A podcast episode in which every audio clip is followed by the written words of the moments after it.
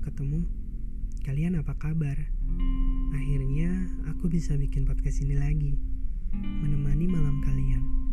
Menemani hari-hari yang aku rasa cukup berat untuk dilewati sendiri. Sebelumnya, aku mau kasih tahu kalian kalau di podcast kali ini mungkin agak sedikit berbeda dengan podcast yang sudah aku buat sebelumnya.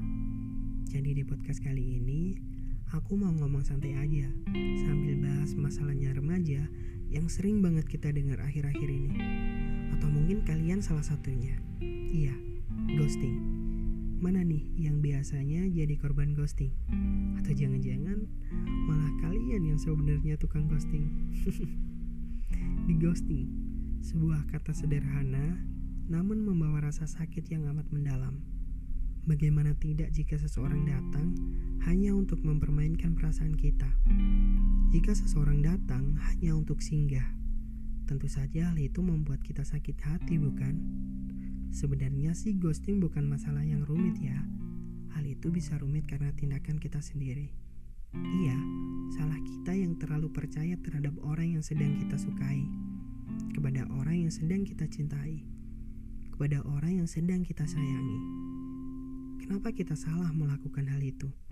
Karena rasa suka, cinta, sayang itu hal yang wajar dilakukan oleh manusia. Iya benar, memang gak salah. Memang wajar hal itu terjadi di dalam diri kita. Itu manusiawi. Namun sesuatu yang berlebihan tentu saja tidak baik bukan? Bahkan banyak banget teman aku yang ngalamin hal itu. Iya, di ghosting. Dan mereka nangis juga selalu tanya kepada mereka, kenapa sih harus menangisi hal yang tidak penting untuk ditangisi? Jika mereka memilih ghosting sebagai jalan keluarnya, ya udah, ikhlasin, lepasin, gak usah ditangisin lagi.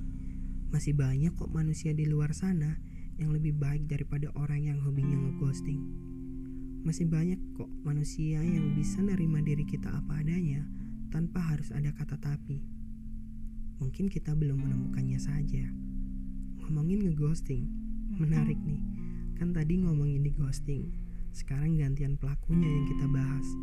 Ternyata ada juga loh manusia yang hobinya ngeghosting di semesta ini. Banyak malah. Mungkin mereka adalah salah satu dari kalian yang sedang dengerin podcast ini.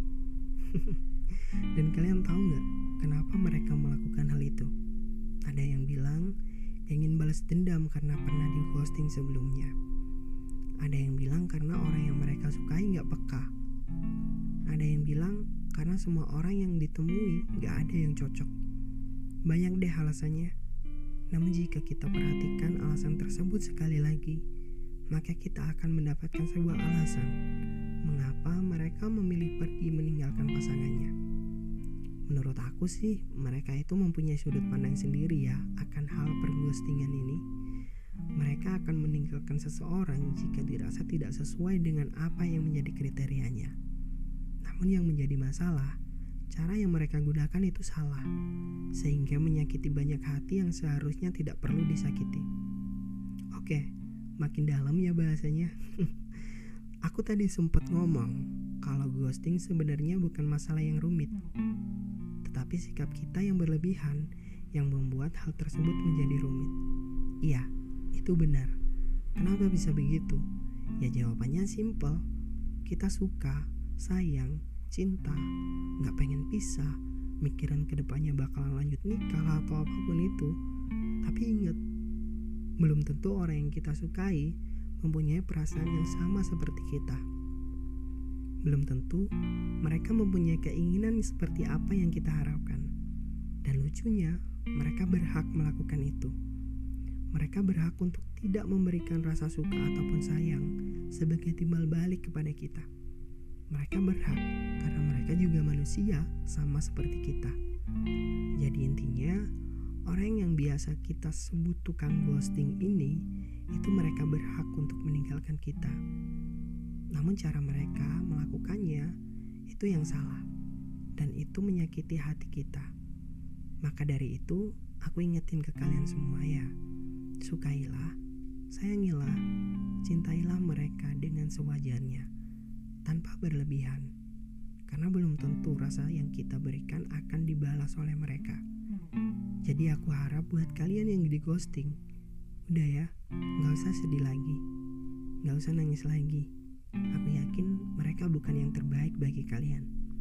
Makanya Tuhan juga memilih memisahkan kalian daripada meneruskan cerita yang nanti ujung-ujungnya juga bikin sakit hati. Toh, lebih baik sakit hati di awal dan belum melangkah terlalu jauh daripada nanti sakit hati di akhir dan menimbulkan banyak penyesalan.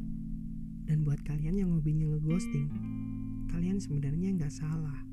Kalian berhak untuk memilih. Kalian berhak mengikuti apa kata hati kalian. Tapi cara kalian yang salah.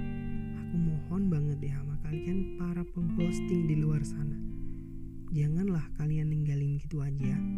Kan bisa diomongin dengan baik-baik. Jangan langsung ngilang gitu aja kayak setan.